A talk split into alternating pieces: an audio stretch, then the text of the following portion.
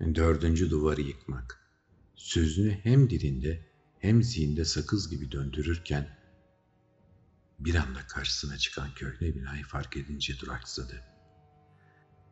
Birkaç adımda saptığı iki tarafı sık ağaçlarla kaplı bir bahçenin ortasında unutulmuşçasına kendi haline bırakılmış bina, tuhaf bir şekilde gözüne aşina geliyordu.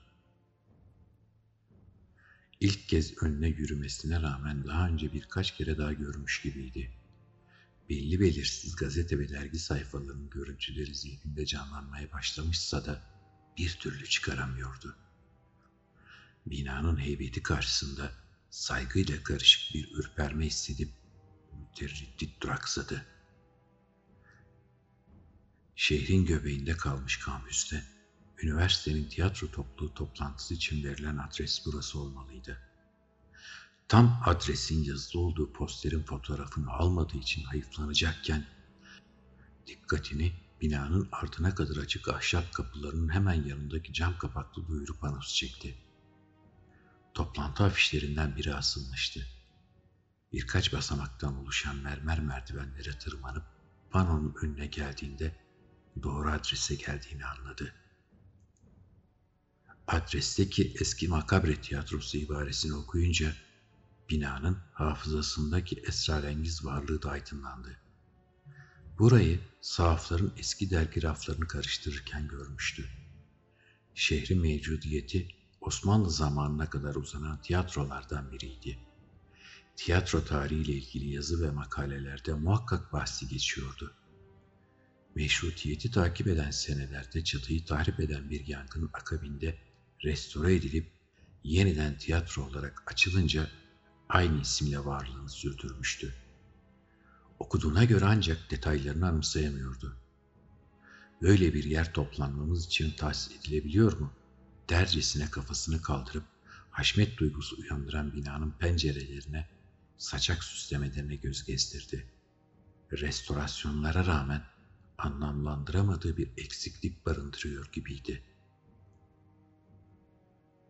Kapılardan içeriye göz attığında loş fuayede kimseye rastlayamadı. Afişte yazılı toplantı vakti gelip çatmasına karşın kimseler yoktu. Zaten kimse zamanında toplanmaz diye söylendiği esnada Panadoki afişin yanına asılı iki kağıt parçası dikkatini çekti.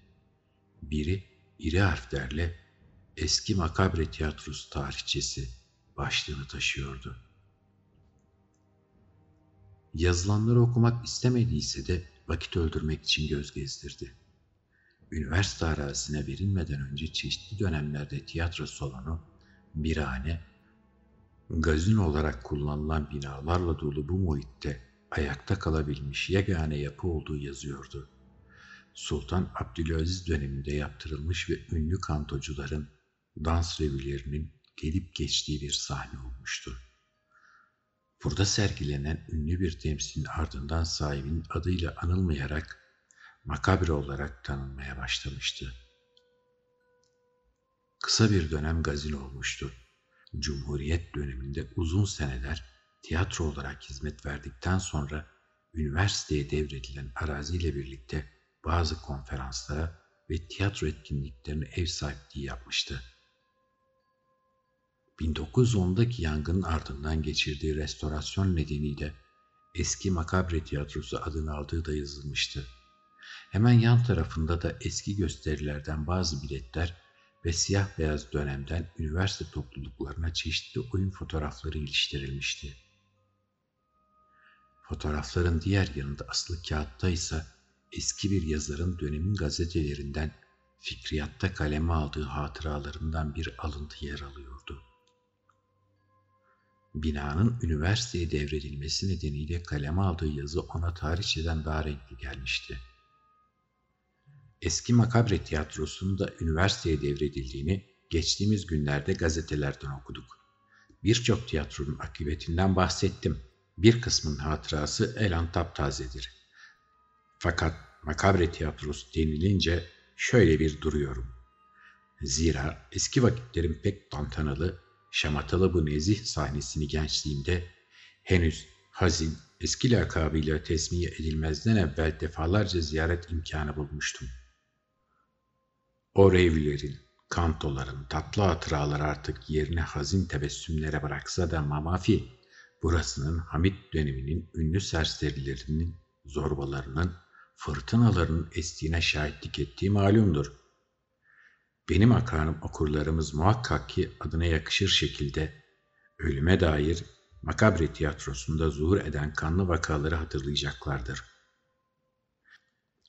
Bilhassa aşkına karşılık bulamayan paşazadelerden birinin tabancasından çıkan menhus kurşunlarla boylu boyunca sahneye devrilen kantocu Anuş'u hatırlayacaklardır. O talihsiz gece ben de oradaydım.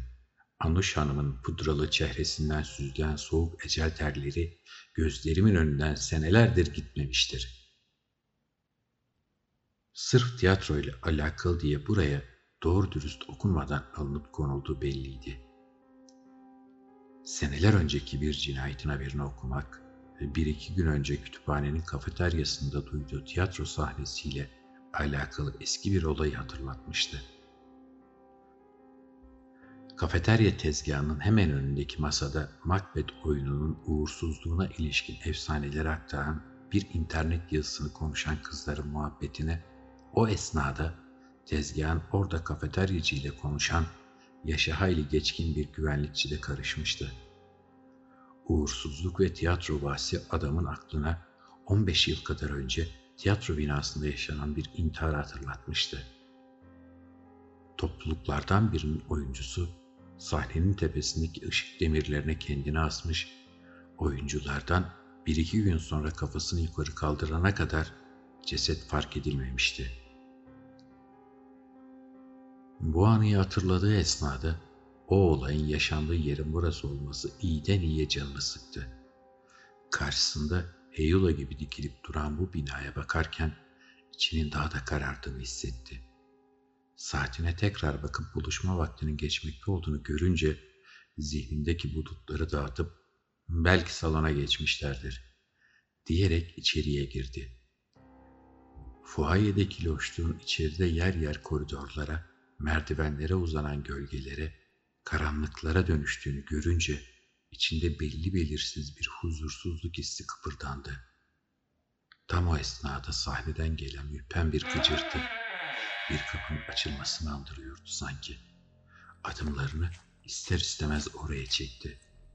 Tiyatro salonuna adım atar atmaz sahneye doğru uzanan koltukların üzerine çöreklenmiş kasvetli karanlıkla yüz yüze geldi. Sahneden gelen gıcırtı tekrarlanınca ürpertiyle ''Kimse var mı?'' diye seslendi. Sesi duvarlarda çınlaya çınlaya gitip gitti. Sahneye inmek istiyordu ancak koltuklarda ona bakan hayali yüzler varmış gibi gerilmişti. Bir büyüye kapılmışçasına ağır adımlarla sahneye doğru inerek kenardaki basamaklardan sahneye çıktı. Perdelerin gerisinde bir açıklıktan içeriye gün ışığının geldiğini ancak karanlıkların içinde boğulup kaldığını fark etti.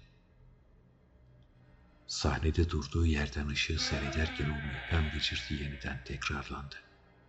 Sahnenin ortasında olduğundan sesi bu kez net duymuştu. Demir iskelelerin ucunda sallanan bir şeyin çıkardığı yeknesak gıcırtı seslerindendi. Ses tam tepesinden geldiğinden gayri ihtiyar kafasını yukarıya kaldırıp baktı. Gıcırtıyla bir ipin ucunda sallanan bedeni gözleri seçmeye başladığında nefesi kesildi.'' Gözlerinin yanıldığını düşünerek dip dip tepesinde sallanan şekle bakmayı sürdürdü. Tepesindeki beden ansızın geriye dönünce ipin ucunda sallanan soluk yüzlü genç bir kadın olduğunu fark etti. Yüzünün soluk makyajı akmış bu solgun ceset ona bana da okuduğu ölü kantocuyu hatırlatsa da o meşhum gıcırtı ona kafeteryada dinlediklerini acı acı hatırlatmıştı. İpin ucunda sallanan ölü vücut ansızın gözlerini açtığında o kuyu dibi misali karanlık. İfadesiz bakışlarını ayan beyan görerek bağırmak istediyse de çığlığı boğazında düğümlendi. Sahnenin o ışıltılı karanlığında yapayalnızdı. Derken bir şeyleri hatırlar gibi oldu. Başka şeyleri. Bu binadaki tanıdıklık hissi çok öteydi. Tepesinde sallanan ceset de gözüne aşina gelmeye başlamıştı.''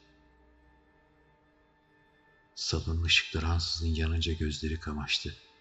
İçeriye tiyatro topluluğunun başkanı olduğunu tahmin ettiği yirmilerin ortasında saçı sakalına karışmış bir öğrenciyle ondan daha genç başka bir öğrenci konuşa konuşa giriverdi. Buranın çok hikayesi var hocam. Eskiden o vurulan kadını görenler olmuş. 10, 15 senedir de o kendine asan kızı görenler oluyor. Benden dört yönetmen öncesi falan Macbeth oynuyorlarmış sanırım. Burada, sahnede intihar etmiş. Beş, altı sene önce falan ben daha çömüm. O zaman burada, bu sefer biz Macbeth oynayacaktık. Seçmeler yapılıyordu. Benle eşit bir öğrenci arkadaş vardı.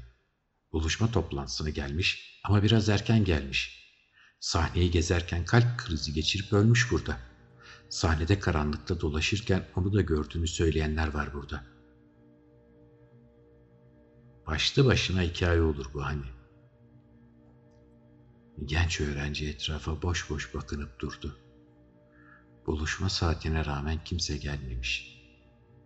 Diğeri sakalını kaşıyarak bomboş sahneyi işaret etti. Hiçbir buluşma vaktinde gerçekleşmez.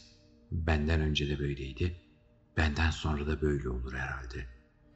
Sahnenin hayaletleri dışında kimseyi göremezsin burada.''